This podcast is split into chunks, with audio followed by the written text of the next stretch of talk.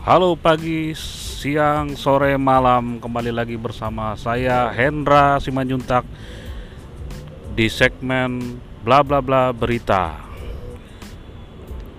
Mungkin hari ini agak terasa bising ya. Kebetulan saya lagi tagnya ngambil suaranya di pinggir jalan. Numpang berteduh sebentar Karena baru saja hujan eh, Jadi belum sempat rekaman di tempat yang lebih representatif Oke, berita hari ini yang ingin kita bicarakan adalah terkait dengan bertambahnya kembali kasus positif COVID-19 di Riau. Hari ini, tanggal 2 September 2020, itu kasus COVID-19 di Riau itu bertambah menjadi 107 kasus. Wow, banyak nih ya. Jumlah ini nggak uh, jauh beda dengan dua hari lalu, di mana dua hari lalu sekitar tanggal 31 Agustus itu Riau juga ada 107 kasus jumlah yang sama. Artinya uh, ini menambah uh, daftar panjang jumlah kasus positif COVID-19 di Provinsi Riau. Nah, uh, update terkini itu jumlah uh, kasus yang terkonfirmasi positif di Riau itu sudah tembus melebihi 2000 kasus ini tentu sangat mengkhawatirkan bagi kita karena memang uh, kondisi sekarang eh, orang-orang juga kelihatan uh, banyak juga sih yang nggak peduli ya di tempat-tempat publik. Itu masih banyak yang belum menggunakan masker juga belum menjaga jarak. Uh, hahihi sana kemari dengan orang-orang di sekitarnya. Dan uh, mungkin ini menjadi salah satu uh, faktor uh, yang mempengaruhi kenapa uh, COVID di Riau itu uh, terus bertambah ya. Uh, selain dari meningkatnya jumlah sampel atau uji swab yang dilakukan oleh uh, pemerintah maupun swasta. Nah, seiring meningkatnya jumlah kasus positif corona, uh, pemerintah uh, seperti yang saya sampaikan kemarin itu akan menerapkan pembatasan sosial berskala mikro. Nah, ini mikro kayak UMKM aja ya ini uh, sekaligus uh, memperjelas pernyataan pemerintah yang lalu yang menyebut bahwa uh, sebenarnya kemarin sempat disebut bahwa yang ingin diadakan itu adalah uh, pembatasan sosial berskala besar namun uh, dibatasi di kecamatan-kecamatan yang tergolong zona merah saja. Uh, tadi itu uh, Gubernur Riau sudah menyampaikan bahwa yang ingin diterapkan bukan PSBB tetapi PSBM alias uh, pembatasan sosial berskala mikro. Jadi bukan UMKM ya, bukan usaha kecil uh, menengah mikro. Oh, usaha mikro kecil menengah ya. Bukan itu.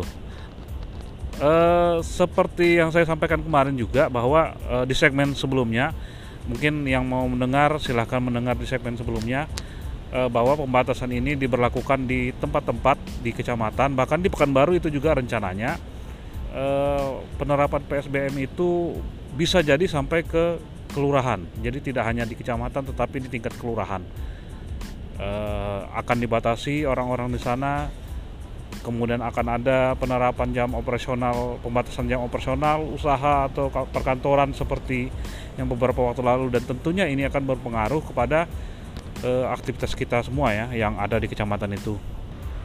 Nah, salah satu upaya pemerintah dalam menekan jumlah kasus corona itu adalah eh, membatasi orang-orang yang ingin masuk ke Riau. Artinya eh, bukan dibatasi tidak dilarang begitu sih, cuma setiap orang yang masuk ke Riau harus mampu menunjukkan eh, surat bebas corona atau surat eh, hasil swabnya yang menyatakan bahwa dia negatif corona.